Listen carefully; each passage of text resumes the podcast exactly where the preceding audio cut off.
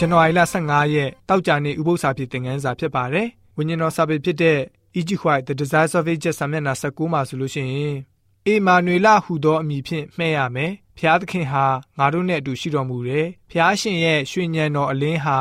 သခင်ခရစ်တော်ရဲ့မျက်နာပေါ်မှာပေါ်လွင်နေပါတယ်။ကနဦးကလေးကခရစ်တော်ဟာခမဲတော်နဲ့အတူရှိနေတော်မူခဲ့ပါတယ်။သူဟာခမဲတော်ရဲ့ပုံလွှာအဖြစ်အမြဲရှိနေပါတယ်။ကြီးမြတ်ခြင်းနဲ့တကိုးတော်အနန္တပုံလွှာကို အမြဲဆောင်ထားတော်မူပါတယ်။ခမဲတော်ရဲ့ဘုန်းကိုအစဉ်ထွန်းလင်းစေပါတယ်။လောကကိုကြွဆင်းလာခြင်းဟာအဲ့ဒီဘုန်းတော်ကိုထွန်းလင်းပြသဖို့အတွက်ဖြစ်ပါတယ်။အပြစ်နဲ့မှောင်မိုက်ဖြစ်နေတဲ့ကဘာမြေကိုဖျားရှင်ရဲ့မေတ္တာတော်အလင်းကိုပြသဖို့အတွက်ဖြစ်ပါတယ်။ကျွန်တော်တို့နဲ့အတူရှိနေဖို့အတွက်ဖြစ်ပါတယ်။ဒါကြောင့်သူ့ရဲ့အကြောင်းကိုကြိုတင်ပြောဖက်ပြုခဲ့ထားတာကတော့သူ့ရဲ့နာမည်ကိုအီမာနွေလာလို့သမုတ်ချင်းခံရလိမ့်မယ်ဆိုပြီးတော့ဝိညာဉ်တော်စာပေကဖော်ပြလိုထားပါတယ်။ဆက်လက်ပြီးတော့ ဝိညာဉ်တော်စာပေဖြစ်တဲ့ Prophet Sankin စာမျက်နှာ329မှာဆိုရင်ယူဒနိုင်ငံကောင်းစားရေးအတွက်အာခတ်မင်းဟာကောင်းငင်ကနေတတိပေးခြင်းကိုခံခဲ့ရပါတယ်။သို့တော့ဇာတိပဂတိသဘောကိုသာမိခိုအားကိုးခဲ့ပါတယ်။တပားမျိုးသားတွေစီကနေအကူအညီကိုရှာခဲ့ပါတယ်။တိကလက်ပိလေတာထံကိုသူပို့လိုက်တဲ့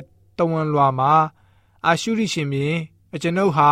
ကိုရရဲ့ကျွန်ကိုရရဲ့သားဖြစ်ပါတယ်။အကျွန်ုပ်ကို ရှုရိမင်းရဲ့လက်ထဲကရောဣသေလမင်းရဲ့လက်ထဲကရောကဲတင်ပေးတော်မူပါ။သူတို့တွေဟာ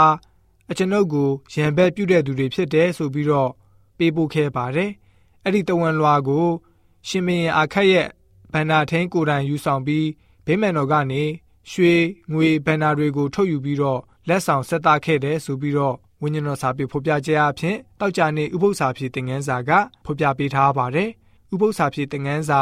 ၃ကတော့ဒီလောက်ပဲဖြစ်ပါတယ်။ဥပု္ပ္ပစာဖြစ်အစီအစဉ်တစ်ဆက်သူကျွန်တော်ဆက်ဆောက်ပါ။ကျမ်းနာတော်သူရောက်စီတိုင်းဝိညာဉ်ခွန်အားနဲ့ပြေဝကြပါစေ။ကျေးဇူးတင်ပါတယ်။